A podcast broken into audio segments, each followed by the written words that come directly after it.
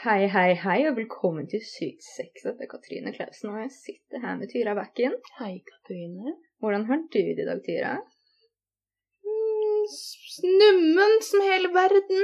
Oh, Ja, og dystert. du? Det er ganske greit, jeg. Jeg har på meg mine bestemors lille blå nattkjole, og jeg har romstert rundt og ryddet og vasket mitt lille bad mens jeg har hørt på kjærlighetssanger. Hvilken kjærlighetssang? Eh, blant annet den ene av Cranberries, som jeg husker ikke hva heter, men det er den der hvor hun prater om at hun savner noen som er borte.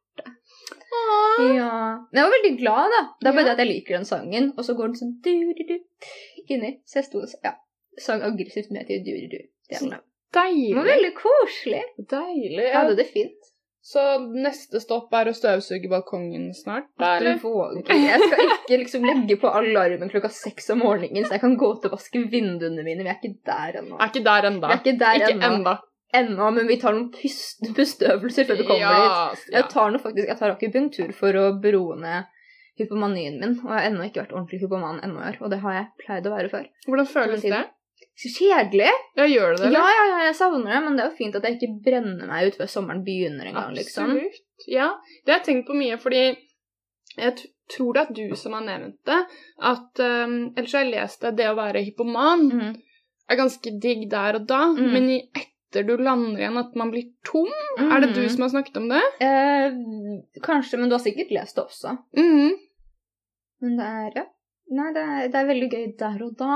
Der og da. Men når det går over, så er det liksom Hei, jeg har vært på en syv dagers festrunde, Mm. ofte lenger. Mm. Uh, og systemet mitt har reagert som om jeg har tatt kokain Ja. og ecstasy hver dag i en måned. Ja, det er intenst. Det er intenst. Men i dag så skal vi snakke om noe helt annet. Ok? Vi skal snakke om skam. Ja! Og det som trygget opp dette her, er at jeg har nå begynt å prate igjen med min eks bestevenninne, og nå må konfrontere de følelsene med sinne som jeg har hatt mot henne, Mm. som jeg nå, mens jeg har på en måte jobbet med å åpne opp og faktisk føle på det jeg føler, har vært um, en veldig sånn følelse av å bli forlatt, og veldig mye sårhet, egentlig. Mm. Og er veldig mye skam i forhold til at jeg har vært sinna på henne, noe jeg ikke føler at hun fortjener, for det har jo vært veldig fra mitt svart-hvitt Altså, vi har jo på en måte hatt beef begge to, så det er på en måte liksom begge to har vært sitt som de ikke syns er greit, så jeg skal ikke på en måte neglisjere verken at hun er sinna på meg for ting som er fair, og jeg er sinna på henne ting som er fair, og så på en måte Men vi har på en måte aldri prata om det eller kommet til bunns av hva den misforståelsen mellom oss egentlig ordentlig har vært. Nei. Og da så er det å sitte på det med å bare Å ja, sant det, du er også veldig ålreit. Ja. Og da den skammen som kommer med det, Mm. Og, og det å gå rundt og bære på sinne som er vanskelig for meg. Hvor, hvorfor er det vanskelig? det skal vi komme til. Oh, ja, ok. Vi, jeg, har, jeg har litt av en agenda i dag. oi, oi. Litt av en agenda. vi, kjører, vi prøver en ny måte å podde på i dag. Ja. Ja, Ofelia. små, ja, Ofelia er gira. Ja. Ofelia er gira. Ja. Um, da så jeg måtte konfrontere disse skamfølelsene. Mm. Og da på en måte må man begynne å tenke på hva er skam? Mm. Og skam er egentlig det man kaller en uorganisk følelse, for det er ikke noen ting som vi har naturlig sånn som frykt, da. Nei. Det er noen ting vi arver gjennom miljøet vårt. Mm. Det er noen ting vi lærer oss. Mm. Um, for om noen hadde sagt at Det er sånn som da jeg var i Kina, mange år siden, Mm. da promper folk på gata. Mm. For at det er helt greit. Mm. Men hadde du bare gått ned gata og bare høylytt prompa, så hadde du blitt dritflau og bare hva faen? Ikke alle. Nei, men mange. Mange men det er fordi at skam er noen ting vi lærer oss. Ja. At det er, bare, det er ikke greit. Så hvis du kommer da fra et hjem hvor det prompes høylytt, Ja, da vil du ikke føle skam. ikke sant? Ja. Uh... Veldig fint og enkelt eksempel. Veldig fint. Men da handler det om at skam er da noen ting som vi nesten laster ned. Aha! tidlig barndom, og da begynte jeg å tenke veldig på hvor dypt dette her går, med at skam er jo en av de tingene som både du og jeg har som primærproblem, Mm. og veldig mange andre som sliter psykisk. Og jeg stod i dusjen her om dagen og tenkte veldig mye på dette her, og så kom jeg på noen ting som Dette her er veldig trigger warning på. Dette her kjører jeg så ekstrem trigger warning, så hvis du eh, er eh, litt, uh, litt laber om dagen, så ikke hør på dette her. Mm. Men jeg har vært innlagt flere ganger på psykiatrisk, Mm. og gjennom det så har jeg møtt flere jenter som har blitt voldtatt av fedrene sine, blant annet, fra de har vært små, i Mm. Påtvungne forhold. Og det er noe flere av dem har sagt, Mm. som eh, har truffet meg veldig, og det er at de sa det at det skjedde, det var kjipt, liksom. Ja. Det som var jævlig, var da jeg fant ut at det ikke skulle skje. For da skamma de seg. Åh. Mm. Og det handler om på en måte noen ting som jeg tror mange av oss har problemer med. At det er på en måte sånn som vold og sånn, veldig mye av de tingene vi har opplevd, Mm. er kjipt i seg selv og Mm. forferdelig, men det som gjør det veldig jævlig, er at plutselig så er du ikke normal mer. Ja. Plutselig så er du ikke sånn som alle andre, og plutselig så er det noe feil med deg, for at vi lærer skam når vi er veldig små. Mm. Når vi blir født, så kommer vi inn i denne verden med det som er først utviklet i vår hjerne, er underbevisstheten vår. Mm. Og underbevisstheten hører vi veldig mye om, men vi vet ganske lite om den. Og Mm. Vi burde lære om det mye mer i skolen, for det er mye forskning på det. Og du Eller underbevisstheten din bygger når du er i noe som heter theta. Ja. Det er du fram til du er syv år, Mm. nesten hele tiden, og så roer det seg fram til du er 14. Mm. Så opp til du er syv, 100 det er der hvor du legger deg masse traumer. Mm. Eh, Og fram til du er 14. Og så kan du få traumer senere, men det er litt annerledes. Jeg skal forklare hvorfor. Mm. Fordi at når du er i seta, det er den samme hjernefrekvensen og bølgelengden sånn som et menneske er i når de er i dyp hypnose. Oi! Så når du er, du, når du er syv år gammel Mm. og under, Mm. så er du kontinuerlig i tilstanden som er dyp hypnose. Og det er du fordi at vi er sosiale vesener, Mm. og hjernen vår funker som en datamaskin. Mm. Og når du får en helt ny datamaskin, sånn som når du er nyfødt, og Mm. du booter den opp, Mm. så har du lyst til å gjøre noe på datamaskinen. Mm. Det kan du ikke, for du må laste ned programvare. Ja. Så vi er i feta-tilstand i hjernen vår for å laste ned sosial programvare. For du Mm. kan ikke gi et spedbarn en bok og si nå skal du lære om hvordan man skal være et menneske. Nei. Du lærer å være et menneske gjennom å se på foreldrene dine og nærmiljøet ditt. Mm. Og hvordan folk behandler deg. Mm. Aha. Men OK, recap. Du er i denne tilstanden til du er syv. og så minsker den fram til du er 14. Ok, så da blir det mindre og mindre av det. Mm. Det er sånn som attachment theory, sånn som vi har prata mye om. Ja. De sier at du utvikler ditt attachment-mønster fram til du er syv. Går det Yes. Når du er syv år gammel, så er den nesten 100 stabil. Det kan være variasjoner, men det er innenfor den aldersgruppen du primært sett utvikler den. Så for eksempel at hvis du har en mor som dør mm. når du er ti år gammel, Mm. så har du mest sannsynligvis fortsatt utviklet et sikkert mønster. Ja. Hvis alt annet har vært fint. Har du en yngre søster som er fem, mest sannsynligvis utvikler ikke hun et sikkert mønster. Hmm. Wow. Så det som er, og det er, og det er litt sånn som på en måte hvis du tenker på hvordan da traumer fram til vi er syv innenfor den kategorien, eksempel Mm. hvis mamma Eller vet du hva? Eksempel som veldig mange kan kjenne seg igjen i. Du begynner på skolen, Mm. og du er liksom Jeg begynte da jeg var fem. Mm. Og du er pumped, og du liksom Jeg er en stor gutt, jeg skal gå på skolen, jeg skal Mm. lære, dette er kult. Mm. Du drar opp dit, og læreren sier du kan ikke sitte i ro, av dårlig matte. Mm. Ja. Og da tenker du jeg er dum, Ja. og jeg er ikke flink, Mm. og jeg plager andre. Mm. Det er på en måte den måten det funker, og da går du resten av livet ditt fram til dette her blir bevist feil, og det trenger gjerne mange ganger å gjøre, Mm. For da at du skal forstå at 'å ja, jeg er ikke dum'. Mm. Og noen så forandrer seg ikke, Nei. for de får det aldri bevist. Så de tenker bare 'jeg er dum', og jeg er på en måte er ikke flink. Mm. Og så er det på en måte sånn som med Pavlovs hunder, da, at det er at vi har på en måte ikke et filter, for det ligger jo i bevisstheten vår, Mm. på hva som Mm. er bra eller god programvare for å laste ned. Da Vi- mener du det ligger Altså, det ligger da i familien vår, det filteret? ja, vi har ikke et filter. Nei, Så du kan se på at pappa slår mamma, mm. og da laster du ned den programvaren uten å forstå at det ikke er riktig, og at det er dumt. Så det er sånn som din indre stemme nå som voksen Mm. kommer fra hvordan foreldrene dine prater til deg som du er barn, eller eventuelt lærere, eller venner. Mm. Så handler det om hvordan nærmiljøet ditt prater med deg. Mm. Så igjen, det jeg skulle fram til med Pavlovs hunder, Ja. ikke sant? Hver gang han ringte inn bjelle, så begynte de å sikle. Mm. For at underbevisstheten deres hadde lært at når den bjellen ringer, så får jeg mat. Mm. Og da så hadde de impulser i det motoriske systemet, er ikke det det heter? Jo. Som ikke de kunne kontrollere. Mm. Om de hadde ringt en bjelle og gitt hundene elektrisk sjokk, Mm. så hadde hunder reagert sånn som hvis de fikk elektrisk sjokk hver eneste gang de hørte den bjellen. Ja. Det er også sånn som det apeeksperimentet med bananen. Har du hørt om det? Det er masse aper i et bur. Ja. Og så setter de inn en stige, og på toppen av den stigen så er det en bunke med bananer. Ja.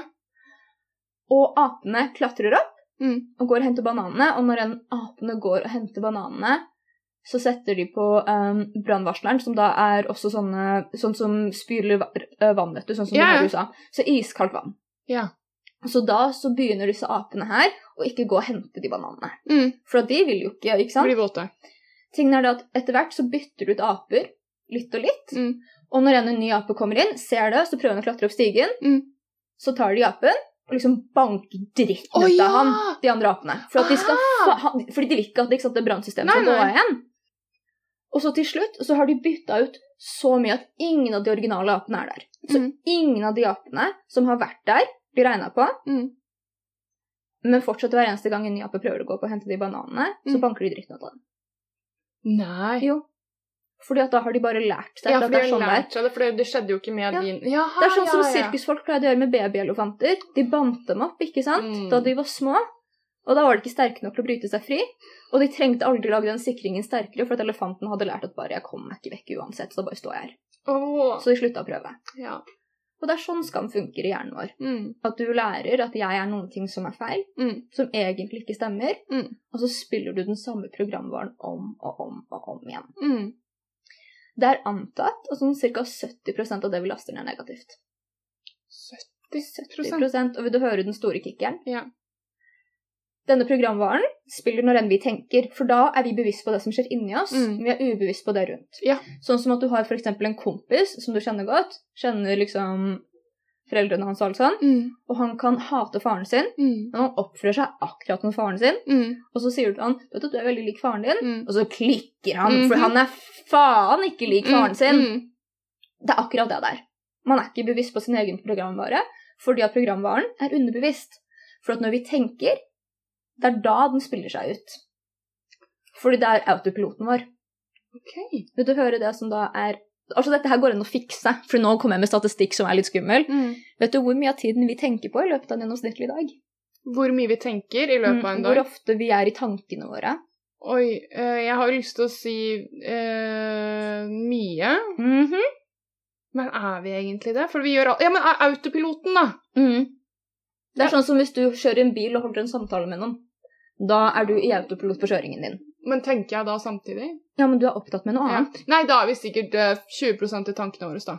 Her 20% i tankene våre? Ja, men jeg tenker at vi er så på alt annet at vi ikke tenker. Alt går på auto. Nei, nei, men det er det at vi holder på med noe annet, ikke sant? Så hvis du prater med meg, Ja, så er på en måte det du gjør med kroppen din på autopilot. Men koblet opp til nervesystemet nervesystemet ja da er du sikkert 80 da. 95. 95% Så 95% av tiden så spiller du programvare du har lasta ned fra du var sånn ca. syv år gammel.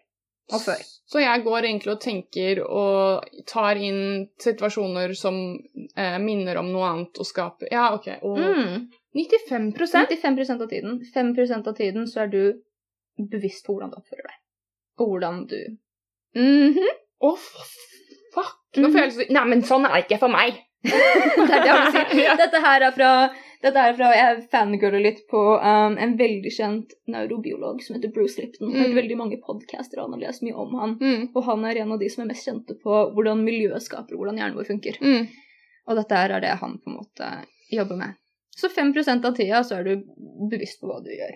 Oi, oi, oi. Og da igjen så går vi inn på skam. Mm. For hva er det ting vi skammer oss for? Hva er ting du skammer deg for? Oi. Det er eh, om at jeg er for mye, eller at jeg Mm. har ikke et filter. Jeg er veldig direkte. Mm. Så kan jeg skamme meg i perioder for at jeg ikke skammer meg over ting jeg burde skamme meg over. Mm. Um, jeg skammer meg mye over uh, Mye av tankene mine rundt Mm. eksempel Jeg skammer meg fordi jeg er bitter. Mm. Jeg skammer meg fordi jeg er sjalu. Mm. Veldig mye av de tingene. Mm. Og så kan du tenke deg hvor mye av dette her har du fått beskjed om av foreldrene dine fra du var liten at det ikke er riktig. Veldig, veldig mye. Mm. Hvem er det som har sagt til deg at du er for mye? Det er vel eh, familien min, da. Jeg Mm. hører det jo i hodet mitt. Jeg tror jeg hører eksakt når det ble sagt også. Ja, når tror du det var? Fem år. Mm. Fire-fem år. Mm. Det er da det begynner, på en Mm. måte. Mm. Men ikke sant, det er da du har lært deg å for å fungere i et samfunn, så kan ikke jeg være for mye. Mm. Og jeg er for mye. Mm. Og når vi har små barn, så er vi avhengig av foreldrene våre og samfunnet rundt oss for å holde oss i live. Mm. Så det trigger direkte overlevelsesmekanismen vår Mm. av skrekk av 'å, herregud, jeg er for mye'. Mm. Ingen kommer til å være glad i meg. Mm. For deg, hva er det du skammer deg over? Jeg tenker mye på disse typer tingene, for at jeg er jo den personen jeg er. Og sånn som i forhold til da med hun venninna mi nå, av å føle at jeg har gjort noen ting som noen kan være sinna på meg for. Mm. Det trigger en ekstrem skam, og det trigger ekstremt stor angst. Mm. Um, rett og slett fordi jeg har vokst opp med veldig emosjonelt turbulente foreldre som har vært uforutsigbare. Mm. Så hvis jeg har gjort noen ting feil, så på en måte vet ikke jeg hvordan de kommer til å reagere. Og Mm. det kan liksom være alt fra noen episoder med fysisk vold, eller så kan det være at de hadde sant, skreket med ansiktet og bare vært galt med deg. Mm. Og veldig mye sånn der type ting. Så jeg, ikke sant, og da på programvare forventer nesten i forhold til henne, selv om hun og jeg har prata, og alt er veldig åpenbart greit, Mm. så er det liksom at jeg går rundt med konstant angst av at hun skal bare snu og switche på meg, liksom, og klikke. Noe hun ikke har gjort noen gang. Nei. Så det er på en måte ikke noe erfaringsbasert på henne, men jeg tenker bare faen, jeg har gått rundt og vært sinna på henne. Jeg har Mm. ingen grunn til det, og nå kommer hun til å liksom lynsje meg, for det er det jeg fortjener. Ikke sant? Men føler du oppriktig at du fortjener det? Nei, men ja. Mm. Jeg føler liksom at det er jo det jeg selvfølgelig skal forvente, fordi at nå har jeg gjort noe ille, og nå må jeg repente for mine synder, på en måte. Stå i liksom gapestokken og få Mm, Veldig masjokistisk. veldig. Veldig. Veldig Ja, OK. Men det er jo på en måte, ikke sant? Men det er jo, det, det er jo sånn som jeg har lært meg at det er sånn jeg må bare håndtere. Det er sånn det er å være menneske. Og så, liksom, så skammer man seg for at jeg har gjort dette her galt, og faen, nå må jeg på en måte bøte med livet. Mm. Så det er uh, en veldig interessant dynamikk, alt dette her. Hvordan tenker du at du skal gjøre det annerledes med henne nå, da? Være veldig åpen og ærlig. Jeg har jobbet masse nå på meditasjon om åpenhet, og Mm. faktisk det å klare å åpne opp. Da tenker jeg at da har jeg fått en gyllen mulighet til å faktisk prate om følelsene mine, sånn som jeg gjør her også. Ja. Um, og da med Og så er det ikke sant, skam i forhold til også veldig det å innse at jeg har ikke vært sinna på henne fordi jeg ikke har brydd meg jeg syns hun er en fitte. Jeg har vært sinna på henne fordi at jeg har følt meg misforstått og ikke sant Mm. egentlig vært såra, da. Mm. Og så er det sånn å faen, jeg skal ikke være en sensitiv liten bitt. Ja, for det er gærent. Tøff. Det er gærent, Mhm. ikke sant? Nei, jeg skal ikke være sensitiv, du må tåle litt. Hvorfor det? Og det er pappa et nøtteskall. Ja. Det er pappa et nøtteskall. Det er Jeg blir redd når du er sinna på meg. Men herregud, da er du feig? Er du en liten pudding? Tåler du ikke såpass? Står der i seks år og rister og bare Nei, du har rett, jeg er tøff! Um, men ikke sant? Så det er uh... Du skammer deg også rundt mye det å tørre å gi deg selv lov til å fortjene ting. Ja, veldig ekstremt. Mm. Men det er igjen Mediterte på det, og fikk opp veldig tydelige bilder fra jeg har vært liten. Så jeg har hatt en far som når enn jeg har fått ting, mm. har sagt rett ut dette får du ikke fordi du fortjener det, du får det fordi jeg er snill. Så hjernen min, når enn jeg får noen ting, og nå har jeg begynt å jobbe veldig med det, da, og ironisk nok selvfølgelig, så begynner jeg å få mer ting av folk også gratis. Og folk bare ja, men herregud, da, selvfølgelig, liksom. Fordi at innstillingen min er annerledes, og det plukker folk opp på underbevisst. Eh, men har gått rundt og bare jeg, for, jeg fortjener ikke noe. Folk er snille hvis de gir det til meg, og da går jeg i en sånn panikksituasjon og bare ja, men jeg fortjener det ikke. Er du sikker? Tror du det kan da spille seg ut i din redsel for å få et forhold også? Fordi du ikke føler du fortjener det? Selvfølgelig. Ja, jeg begynte bare Nå går det sånn derre Ja, ja, ja, pjo, pjo, pjo! Masse fyrverkeri oppi hodet som er sånn Wow, ja! Mm. Selvfølgelig. Og ikke sant, også i forhold til mamma og pappa med at de har hata hverandre. Og veldig, ikke sant, også i forhold til den, ikke sant? men det er jo igjen det all den sånn spiseforstyrrelsesgreia med mamma, som alltid har vært veldig vakker og slitt masse med utseendet. Mm. Og alltid vært veldig sånn det eneste du har som en kvinne, er utseendet ditt. Mm. Og fordi jeg har vært liten og bare Ja, men du må slutte å spise så mye. Mm. For at ingen kommer til å elske deg hvis du er feit. Mm. Ikke sant? Og da er det igjen des, som, Ikke sant? Og da er det anoreksisk kamp å være sulten. Ja, som faen! Mm. Å, herregud, ja. Mm. Ja, det gikk jeg rett i nå i helgen, for jeg hadde medisinfri. Ja. Og da bunket jeg opp, ikke sant. Mm. Og da var det nesten sånne tanker hvor jeg bare sånn Jeg må bare forklare hvorfor jeg spiser så Ikke mye nå. Hvorfor jeg har gjort det jeg har fortjent. Fordi Mm. ellers så tror man at jeg er sånn og sånn. Så Mm. det må jeg bare få ut av verden med Ikke en sant? gang. Ikke sant? Ja.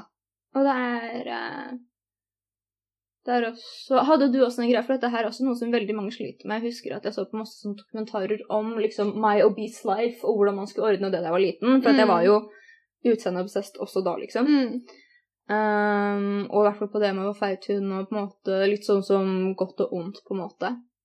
Nesten i forhold til den polariseringen av det. Mm. Og da så pratet de alltid om at de ble påtvunget til å spise opp maten sin, for at hvis de hadde tatt for mye mat, ikke sant, igjen så var det feil. Mm. Og det er hvordan det sitter i så mange av oss, også Mm. som da sliter med mat. Fordi at det er sånn som også du og jeg da prater masse om at bare du kan ikke komme her og ta maten min. Nei. Når jeg får maten min, så er det min sette mengde, og jeg må nesten på en måte spise opp. Mm.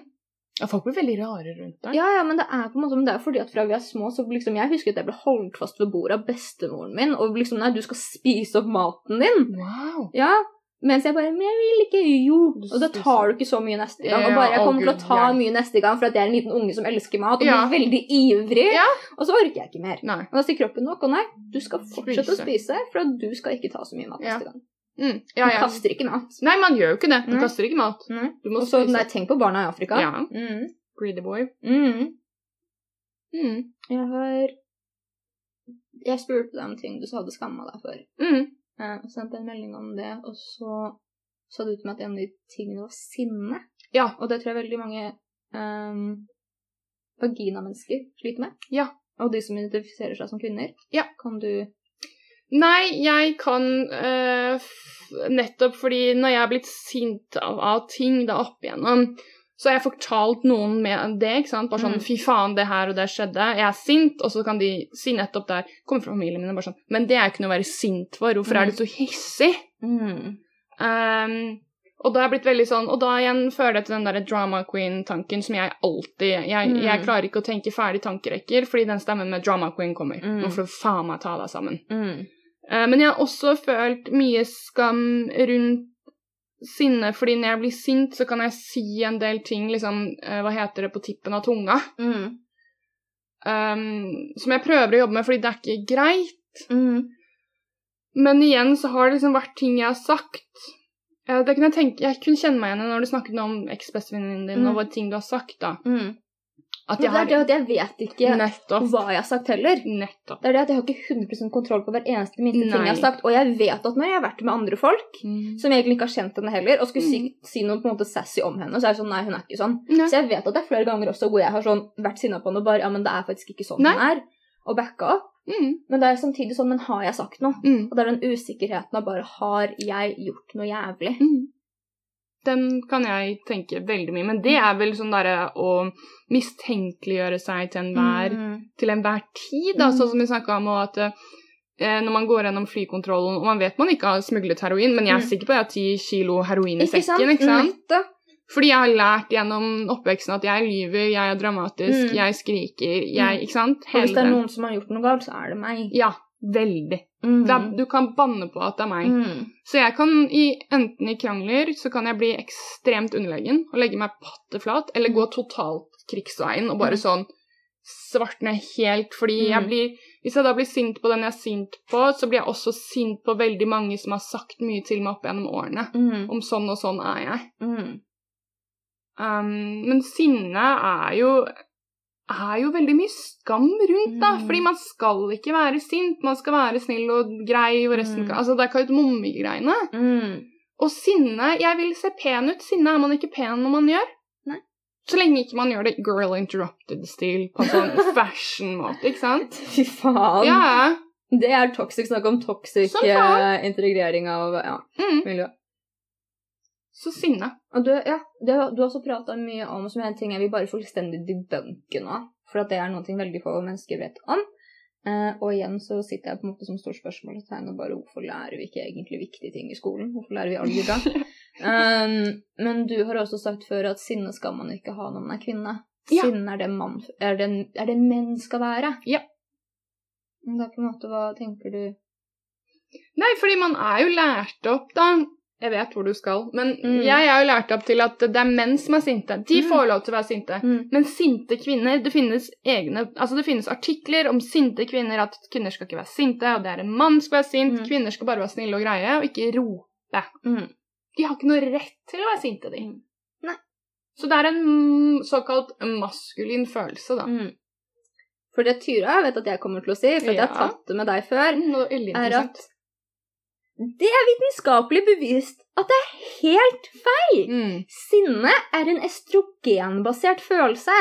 Det som skjer i en mann For at menn har gjerne altså, Og da mennesker som har et testosteronbasert hormonsystem. Ja. Så mennesker som oftest har penis, eller om du går på hormonterapi. Mm. Men all denne her vitenskapen er for det meste primært rettet mot cis-menn. Mm. Men et menneske som har penis, Mm. og da produserer mye testosteron Mm. Testosteron kan du begynne å produsere av ting sånn som å trene. Mm. Det er derfor veldig mange mennesker som sliter med sinne, f.eks., gjør det veldig bra å trene. Mm. Og så tenker vi at det er fordi de får slått fra seg, Mm. men egentlig handler det om at de beroliger nervesystemet deres, så at de produserer mer testosteron. Mm. Fordi at det som skjer når en person som har da mye testosteron i kroppen, Mm. når de blir usikre, Mm. så produserer de et enzym, Mm. og det enzymet omgjør testosteron om til østrogen. Mm. Så det som skjer når veldig da typisk litt sånn mannen i filmen som er på en måte sånn protagonisten, men han har litt Mhm. emosjonelle problemer og blir sinna og slår til veggen Mm. Det som har skjedd der, er at testosteronet i kroppen hans har blitt omgjort til estrogen, og nå sitter han som en følelsesbombe som han ikke egentlig biologisk er klar for å håndtere. Så han blir om til den lille treåringen liksom, Mm. som ikke klarer å håndtere følelsene sine og står og griner. Mm. Og det, er- det rent vitenskapelig så er det det som skjer. Så det er helt feil å påstå at kvinner ikke skal være sinte, for at sinne kommer fra estrogenet i oss.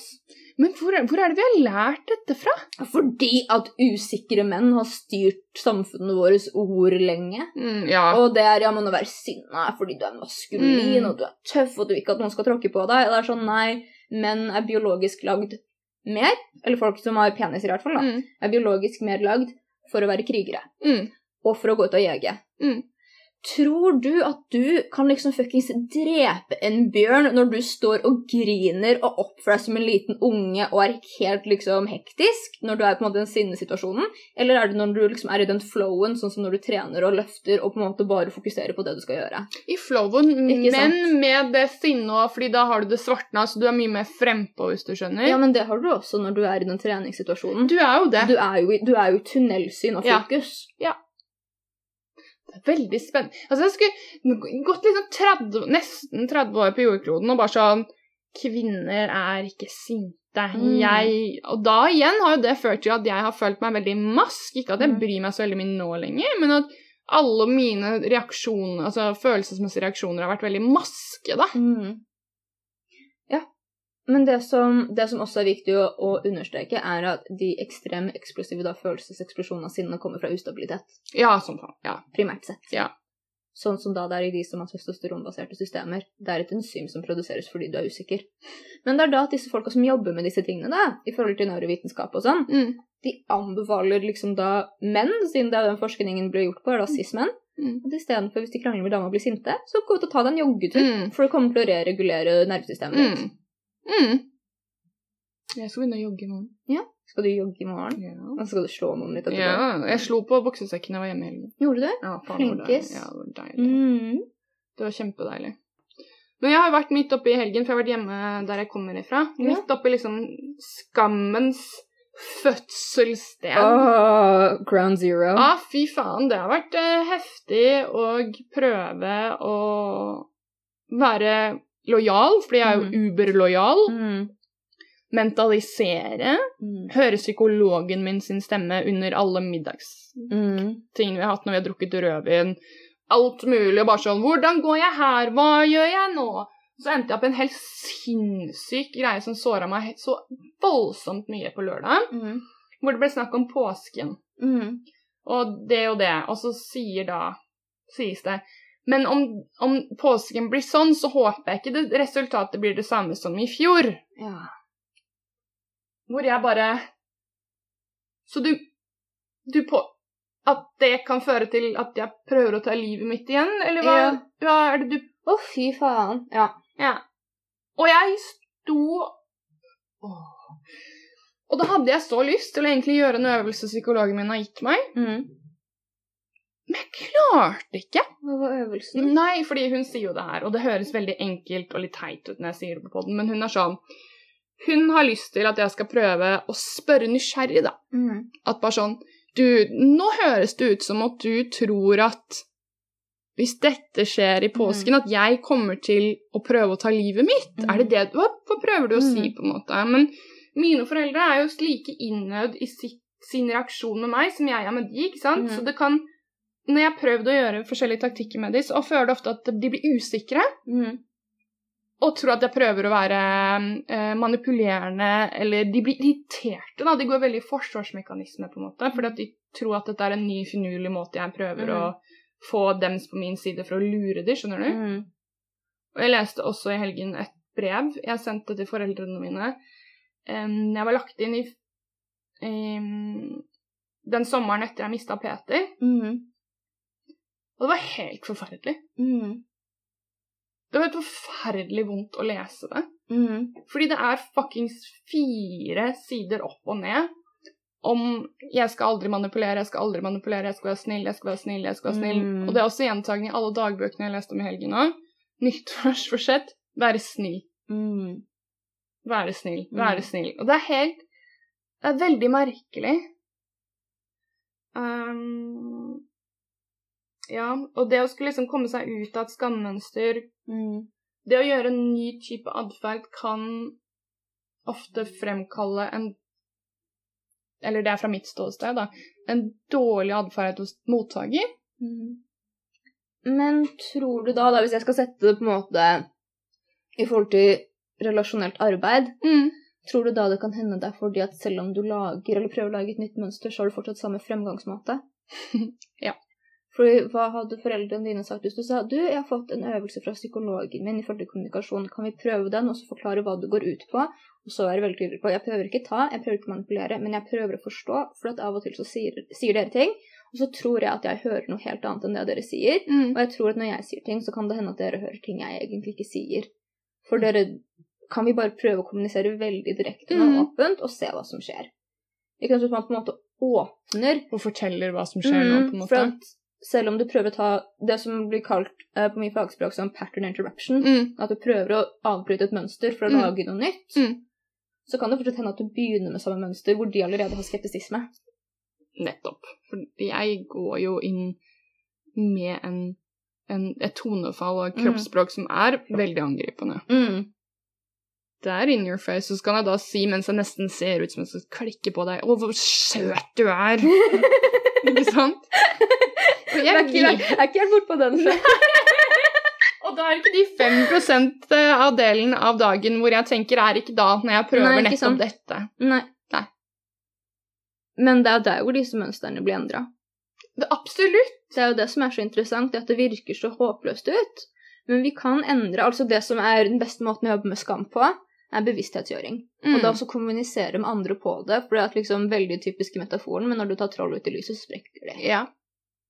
Fordi at når du plutselig sitter og føler på en veldig stor skam av noen ting, og så kommer du og sier det til noen andre, og de bare 'Å ja, så jævlig teit du er for at du Mm. føler på den tingen', liksom. Mm. Så er sånn 'Å ja, hva faen har jeg gått rundt og liksom Ikke sant? Mm. Men kan det ikke da være med å gjøre skam for at du har skammet deg for det, eller vil det, ik- det ikke skjer. Det kan jo fort skje, men en del av helbredelsesprosessen er å dytte ut alt belegget som har satt seg under huden. da. Mm. Og det gjør jo fort jævlig vondt. Ja. Alle vi som har gjort veldig mye indre prosesser og sånn, sånn som både du og jeg har gjort mye, det Mm. gjør jævlig vondt med healingen. Mm. Av og til så gjør det mer vondt enn selve trenet. Så tror jeg man ikke er klar over hvor lang tid det kan ta. Mm. Ja, men du må jo reprogrammere en hjerne som ikke er i hypnosetilstand mer. Mm. Tror jeg har gjort det med deg Mm.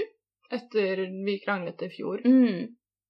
Så tror jeg mønsteret mitt forhold til relasjon har For jeg trodde det var veldig håpløst, for vi prøvde et halvt år, så følte jeg det liksom hinka Ja, det og hinka det. og hinka, Mm. og tenkte sånn OK, nå kommer aldri til å bli det samme. Mm. Men så fortsatte vi bare altså et halvt år til, og fortsetter enda, på en måte. Ja, ja, ja, ja. ja. Og så har det bare endret seg veldig. Mm. Men jeg tror at det er litt sånn som å skulle endre et mønster er litt sånn som når du begynner å trene. Du, tar, du, du kjører fullt på, Mm. og så sliter du deg ut, og så Mm. ser du ikke en endring med en gang, Mm. og så avslutter du det. Mm. Litt sånn som mentaliseringsbasert terapi, da, som jeg har brukt tre år på. Mm. For det er ikke noe quick fix. noe. Nei, ikke sant. Og du begynner jo å merke på en måte effekten det siste året. Som faen. Opplevde jeg. Jeg opplevde at det er gjennomgående. At Ja. det er det siste året at man bare Oi, vent litt! Mm. Mm. Og det er fordi at du Det er også en ting som er interessant da, i forhold til din borderline-diagnose. I Mm. forhold til på en måte hvordan man programmerer hjernen sin. Er at det som er på en måte hovedfokuset i en borderline-diagnose, er det at man ikke har lært før man var syv år gammel, hvordan man skal regulere følelsene sine. Mm.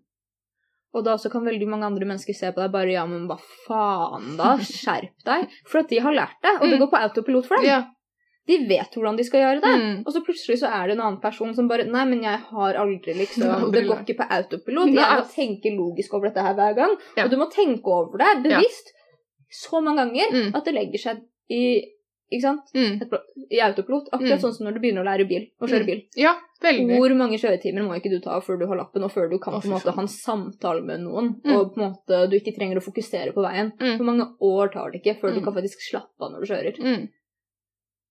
Men det er akkurat sånn det er, og det høres veldig skummelt og vanskelig ut. Men det er veldig givende arbeid også, og det betyr ikke at du ikke blir gradvis bedre gjennom hele den prosessen nå. Ja, du vil jo en, altså, du vil merke det, Mhm. Men man må ikke gi opp. Og jeg, og jeg tror det er du er, Altså, alle typer atferdsmønstre og måter å tenke på og relasjonsting er fers ferskvare hele livet. Ja, ja, ja. Du må jobbe med det alltid. Jeg har Mm. tenkt sånn Ja, men nå er jeg så og så gammel, nå må det vel være greit. Mm. Noen er det vel kanskje som har lært altså, trygg, altså, trygg relasjonsmønster, alt Mm. mulig fra starten. De må kanskje ikke jobbe like hardt. Nei. Men da hvis de møter noe som er de ikke har møtt før, så kan de altså, møte på et problem, ikke sant? Mm. De vet ikke hvordan de håndterer det. Mm. Men har du ikke det trygge relasjonsmønsteret, eller liksom friskt sinn Jeg vet ikke hva jeg skal si, men jeg skal si friskt sinn, så tror jeg du må belage deg på at det er noe du må jobbe med alltid. Mm. Og det er på en måte at uansett om du er frisk eller ikke, så er det fortsatt negative ting du må jobbe med. Alltid. Uavhengig. Mm. Men det er på en måte det at jeg blir så Jeg sitter som et så stort spørsmålstegn for hvorfor da siden barnehagealder, når vi vet mye av dette her, Mm. og det er ganske sementert kunnskap, eller forskning, da. Vi Mm. vet at det på en måte er sånn, selv om vi vet veldig lite om menneskehjernen, så er akkurat dette her ganske sånn Dette her virker som at det er veldig den retningen det heller. Hvorfor har vi ikke fra barnehagen, liksom? Hvorfor lærer ikke barn på en måte å regulere nervesystemene sine? Hvordan lærer vi ikke allerede traumecoping? Mm. Sånn at det sitter i hjernebarken den dagen det kommer. Mm. Og hvorfor lærer vi ikke hvordan man skal være i relasjoner? Hvorfor lærer vi ikke hvordan man skal høre på andre? For at om du har en mor og far hjemme som bare krangler, Mm. så lærer du det ikke. Og da er det veldig mye bevissthetsarbeid. Mm. Og du må jobbe sjukt mye i relasjonene dine. Jeg lurer på om en, ofte pedagoger og sånne tenker at Jeg vet ikke, da. Det er bare en tanke som dukket opp. At uh, da gir man en trigger, eller en TV Altså en trigger, trigger warning Mm. før i det hele tatt man har vært oppi noe. skjønner du? At man er redd for å liksom poke bjørnen før de Mm. er oppi det. At det kan skremme dem. Litt sånn som man hadde tanker rundt sex og seksualitet, Mm. og kunne snakke med barnehagebarn om kroppen er din Mm. kropp, ikke sant? Mm. At man kan sette i gang ting som ikke er nødvendig, men kjære vene, det er nødvendig. Det er nødvendig. Du vil ikke få en femåring da gjennom å snakke i barnehagen om det her som slår eller skriker eller noe. Nei, den begynner å bli mer bevisst. Mm. Og så lenge den bevisstgjøringen kommer fra de som kan snakke om det, og ikke gjennom skrikingen av dine foreldre, hvorfor Mm. du er en drittunge eller du skriker eller ditten og datten, at det kommer fra noen som kan det, og du lærer hvordan å mentalisere, så er det vel bare bra. Mm. Det er det, og det er sånn som jeg tenker på Sånn igjen, da, de ene som jeg kjente som hadde på en måte opplevd incest, og meg som har på en måte opplevd vold og sånn. Det er på en måte én ting, men så blir man eldre, og så er det noen ting man skjønner på en måte at oi, dette skal man ikke prate om. Ja. For det skjønner man nok. Men man vet ikke på en måte hvor feil det er fram til man blir eldre, og så sier samfunnet det er sånn som ødelegger mennesker. Og hva da? Og og oppleve på en måte vold eller seksuell misbruk, Mm. eller ikke sant? Og da så tenker man å faen, jeg er ødelagt.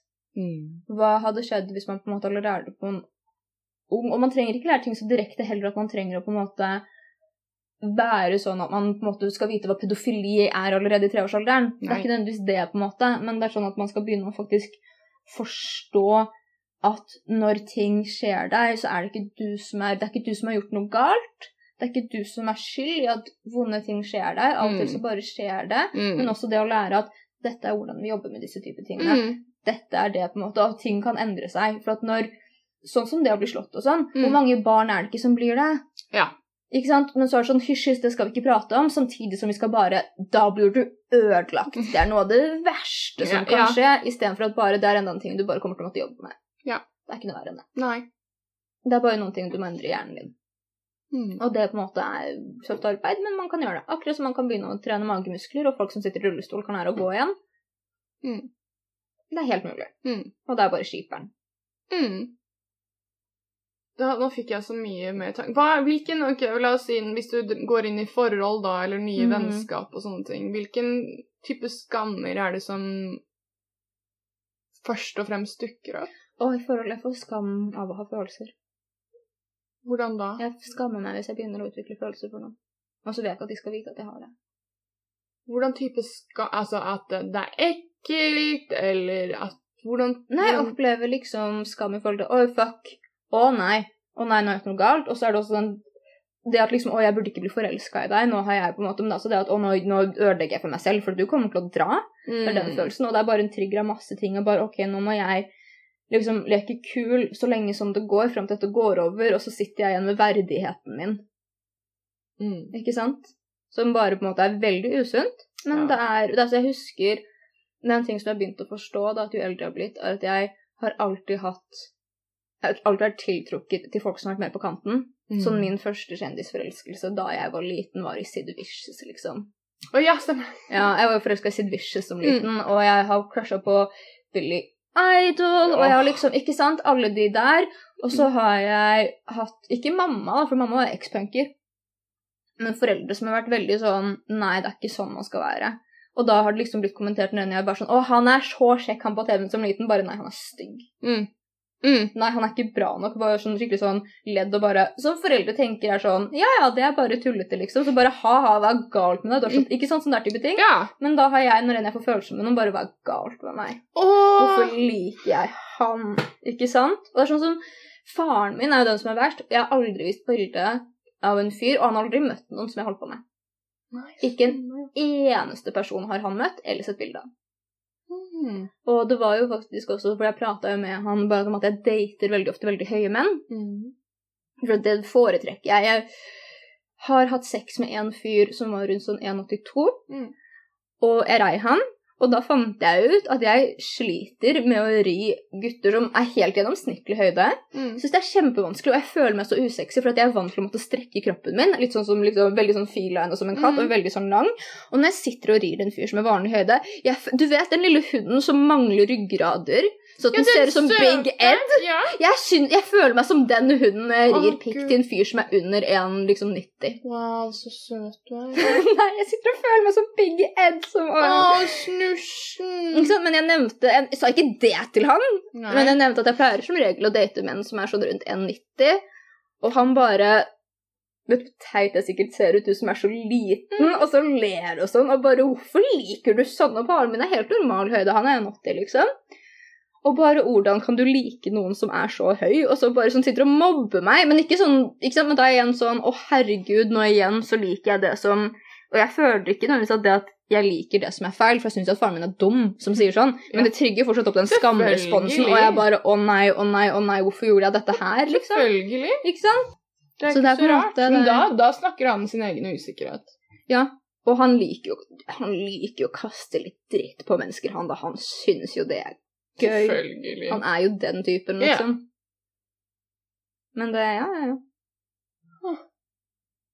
Det er så rart at dine andre søsken Eller nei, fordi de er eldre. De er eldre, pluss at det er veldig ofte en i familien som blir syndebukken. Det hadde jeg en psykolog også som prata om, og hun sa liksom veldig ofte i dysfunksjonelle familier Mm. så ser man en person som får drøyten, og det er som regel den personen som er sunnest i hodet. Det er den som gjerne har mest vanlig coping-mekanismer, som da får alt pressa på seg, så får de diagnoser, for det er de som Ja, jeg vet ikke om det stemmer, men jeg hadde liksom en psykolog som sa det er som regel det sorte fåret som på en måte er den som er minst problematisk, egentlig. Egentlig. Mm. Men den som egentlig har mest tanker, kanskje. Som også har Ja, men det er jo vi som får all dritten. Det er vi som blir syndebukken, og så tenker bare å ja. Noen ting skjedde et eller annet annet sted i, mellom noen mennesker som jeg ikke kjenner engang, men det er sikkert min feil. Ja, Det er min feil. ja, gud bedre, det er min feil. Ja. Kan banne på at det er ja, min feil. ja, ja. Noen Ja. droppa en bombe Ja. et eller annet sted. Bare Ja. hva kunne jeg personlig Ja. gjort for å forhindre dette Mm. her? Men det leste jeg i den um, mentaliseringsboken jeg driver og leser nå, er at Jeg husker ikke det er et fancy ord. Det er barn som ofte har eh, vanskelig relasjonsmønster, Mm. har også hatt veldig vansker med å eh, skille fantasilek, eller fantasi, og Mm. virkelighet. Mm. Um, et eksempel var Jeg vet ikke om, det er, om du forstår det. Jeg klarer ikke å si det sånn riktig.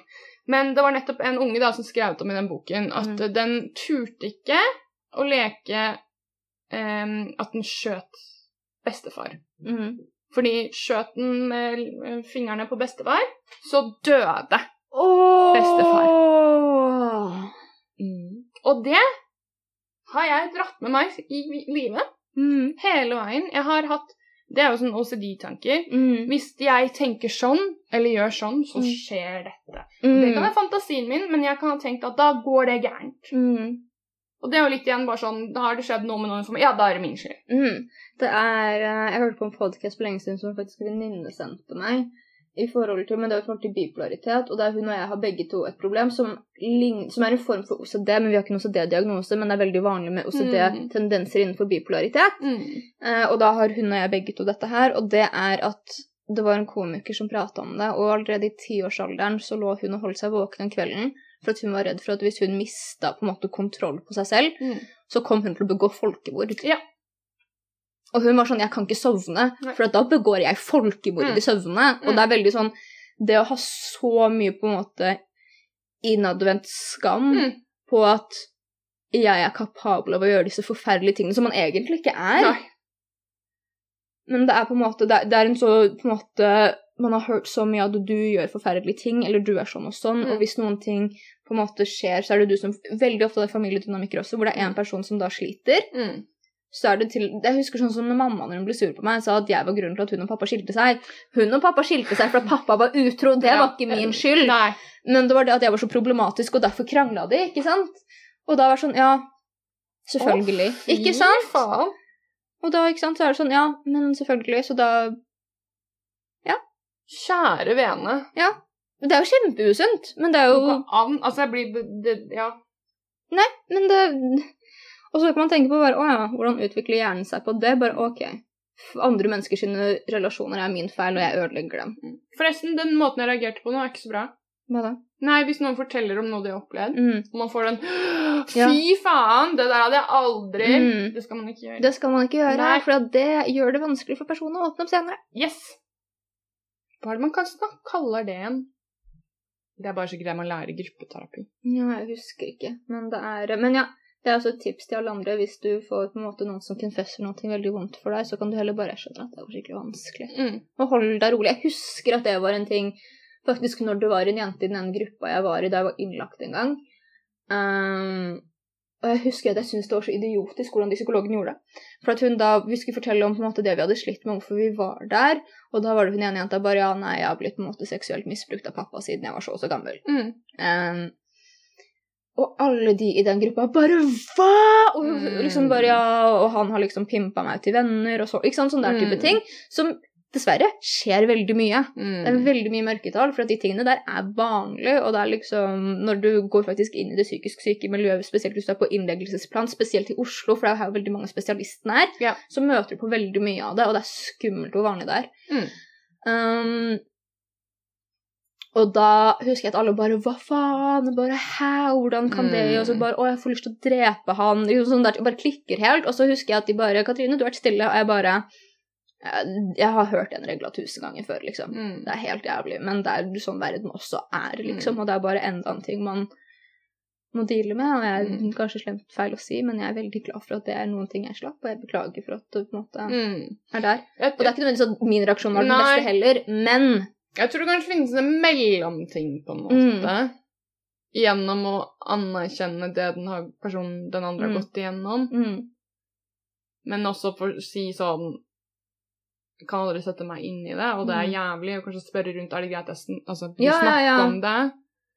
Uh, ja, det begynte jeg med i gruppeterapi hvis noe forferdelig kom opp. Så måtte jeg bare si jeg klarer ikke å mentalisere rundt det her. Altså, det finnes ingen vei rundt. Mm. Jeg klarer ikke å være nysgjerrig og stille spørsmål her akkurat nå. Kanskje Mm. siden. Men det her er bare for jævlig, og jeg beklager. Mm. Men det er noe, jeg tror nettopp det med healing også, i vonde ting som har skjedd en, er jo det å bli anerkjent Mm. For det en har opplevd, kanskje. Mm. Men ikke bare sånn 'Å, fy faen, det hadde jeg aldri orka', eller 'fytti helvete'. Ja, for da må du liksom. plutselig forsvare situasjonen. Om at det er ikke så ille, for at herregud, jeg sitter ikke her og liksom holder på å dø bare av sekundene. Og det er Nei, det. og så hvis det er misbruk av foreldre, da. Mm. Bare sånn, Det er foreldrene dine midt oppi Mm. det, og da vil du kanskje automatisk gå inn som forsvarsgreie. Mm. Jeg tror, jeg tror at, sånn som du sier, at veldig mange søker validering, men jeg tror at jeg kan sitte på den greia der med at jeg har følt meg veldig validert, og at mye av det jeg har opplevd, har vært ille. Ikke av Mm. foreldrene mine, Nei. det jeg skulle ønske hadde vært, men veldig mye av det også er den søken etter normalisering. Ja. At Mm. jeg har faktisk liksom Det er derfor man også bare man kommer gjennom dette her, og alle har, ja, det fins folk som opplever verre ting. Det er veldig ofte derfor at folk som sliter og har opplevd mye traumer, kommer med den også. Bare ja, men nei, nei, altså folk har opplevd verre ting, og det er ikke sånn om dette her har skjedd, ikke sant? For at det er på en Mm. måte Jeg tror det er et behov om å bare Men jeg er sånn som alle andre, jeg har bare litt mer i ryggsekken min, liksom. Mm. Ja, jeg er nok ikke helt Nei, nei, vi sitter på forskjellige standpunkt, så det er ikke så farlig. Nei. Men jeg tror, at- jeg tror at en mellomting er viktig. Da, Mm. Å kunne faktisk verdigjøre opplevelser og fortsatt sånn normalisere det, så at ikke personen blir redd for å åpne seg opp. Ja. De- De òg som stjeler sh- shinen. Mm. Bare sånn hvis noen forteller noe Ja, det har jeg opplevd òg, Mm. og bare to totalt over den andre. Fordi Mm. egentlig kanskje vil man den godt, Mm. men det er jo òg ikke bra, fordi da lukker man seg. Mm. For det er bare sånn Å ja, det jeg har følt på som vondt, da. Nei, alle andre opplever Å ja, ok. Mm. Da kan skamme seg for det, ja. Ja, ikke sant, at da istedenfor at man åpner opp for at man kan relatere til det, så er det det at man bare Å ja, ok, dette her må jeg nesten sånn trygghetsbevare inni meg, for ellers mister det all verdi. Mm. Veldig rart hvordan vi mennesker funker. Vi er, Vi er rare. vi er rare. rare. Har du lært noe nytt om skam i dag, og hvordan det funker i hjernen? Ja, som faen. Nå begynner jeg jo bare å Nå må jeg tenke igjen. De episodene her er så jævlige. Fordi det går så mange fyrverkeri Mm. Ja. eh, inni hodet mitt, og jeg nesten bare blir borte fra å spille inn pod fordi jeg Mm. går så inn i eget hode. Mm. Men iallfall det her med at kun 5% av tiden så er jeg egentlig inni meg selv og forstår. Ja, nei, det er kun 5% av tiden du egentlig relaterer ordentlig til verden. Ja, ja, ja det, da relaterer jeg. Ja.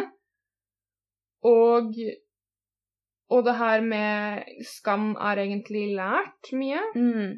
Noen sier jo, jeg sier hvilken psykolog som sier at vi er avhengig av å ha skam for å kunne si unnskyld. Jeg vet ikke om jeg er enig. Jeg er litt uenig i det, men jeg er enig i at vi er avhengig av skyld. En psykolog som jeg er Og parterapeut er hun vel først og fremst, som jeg er veldig glad i, og du også har reist til Mm. Perel. Og hun prater jo om at skam er en egosentrisk følelse. Skyld er på en måte en relasjonell følelse. For at Mm. når jeg har skyldfølelse for noen ting jeg har gjort mot deg, Mm. så er fokuset mitt Mm. På det gale jeg har gjort mot deg. Mm. Og det er da jeg vil si unnskyld Mm. og gjøre opp for meg. Når jeg skammer meg, skal vi si at jeg har vært utro. Vi er kjærester, jeg har vært utro. Mm. Fy faen, jeg har skyldfølelse, liksom. Mm. Ikke sant? Da er det hva jeg har gjort mot deg. Ja. Når jeg har skam, og jeg sitter og sier 'jeg skammer meg', så handler det om at jeg har det vondt av hva jeg har gjort mot deg. Men Er ikke det da Ja, det er derfor man sier til barn 'gå og skam deg'. Mm. Mm. Og jeg hater den setningen. Det er helt forferdelig. Det er-. Det er helt forferdelig! Å, jeg blir dårlig. Jeg fikk gråsehud når jeg Ja, sa men det. det er det tenkt om vi hadde begynt å lære om hvordan skam danner seg i hjernen, og hvor mye det forhindrer livene våre oh. videre, om vi hadde lært det på barneskolen, så ingen hadde sagt det til ungene sine. Ja, fy faen, ja. Å, fy faen, jeg ble skikkelig dårlig av å si Ja. Men det er jo kjempesunt å ha skyldfølelse, for det er jo Ja. sånn vi lærer på. Yes. Men skam er ikke nødvendigvis noe altså, Sikkert i noen settinger, som at du ikke sitter og driter på bussen, Ja, liksom. ja. At du ikke sitter og runker foran en Mm. barnehage. Mm. Det er kanskje greit, liksom. Ja. Det er sånne ting som du skal lære at man ikke gjør. Mm. Runke kan du gjøre hjemme, Mm. ikke offentlig, og i hvert fall ikke sånn at liksom, enkelte utsatte ser det. Ikke bæsj på bussen Ikke bæsj på bussen heller, bare Nei, det er noen som må rydde det opp, det lukter vondt, Mm. folk kommer til å grove seg ut, alt det. Men det er liksom mm. Det er på en måte Det er vel folkeskikk og Ja, men det begynner vel i skam Ja, nå kan jeg fortsette. Ja, ja, ja, ja, vi kan det. Herregud. Men det er på en måte liksom skam for litt sånn samfunnsmessige ting, men det er stor forskjell på skam av hva jeg er. Mm. Veldig fin setning. Og det er jo det, hvorfor skal du lære deg skal, Sånn som jeg, da, som har lært meg å skamme meg for å være lei meg. Mm. Fordi at jeg har hatt foreldre som ikke har hatt lyst til å håndtere meg når jeg er lei meg, og da så har jeg lært at å, jeg blir avvist av å være lei meg. Så Mm. da er det noen ting som gjør at folk ikke kommer til å være glad i meg, og da er det en side av meg som jeg sier bare Oi, nei, æsj, jeg skulle ønske jeg ikke var sånn, sånn skulle jeg ikke vært, det er noe galt med meg. Mm. Samme som du er på sinne, eller det å Mm. være for mye og ha mye følelser. Mm. Eller det å være lei seg for noe, bare automatisk bare sånn tear up og sånn, ja, Å, Oh, baby! ja. Men sånn er det. Sånn er det. Sånn er det. Ok, tusen takk for episoden i dag. eh, og for at du hørte på. Jeg håper du også har lært noe nytt. Jeg vet at sånne her episoder er heavy. Kan Yes. fort være. Men det er uh, den eneste veien ut er gjennom. Helt riktig. Og da må man av og til paradere gjennom noe bæsj. Forhåpentligvis noe folk ikke har lagt igjen på bussen. Helt. Veldig bra. Bra avslutning. Tusen takk. Da håper vi å se dere igjen neste uke. Ha det. Ha det!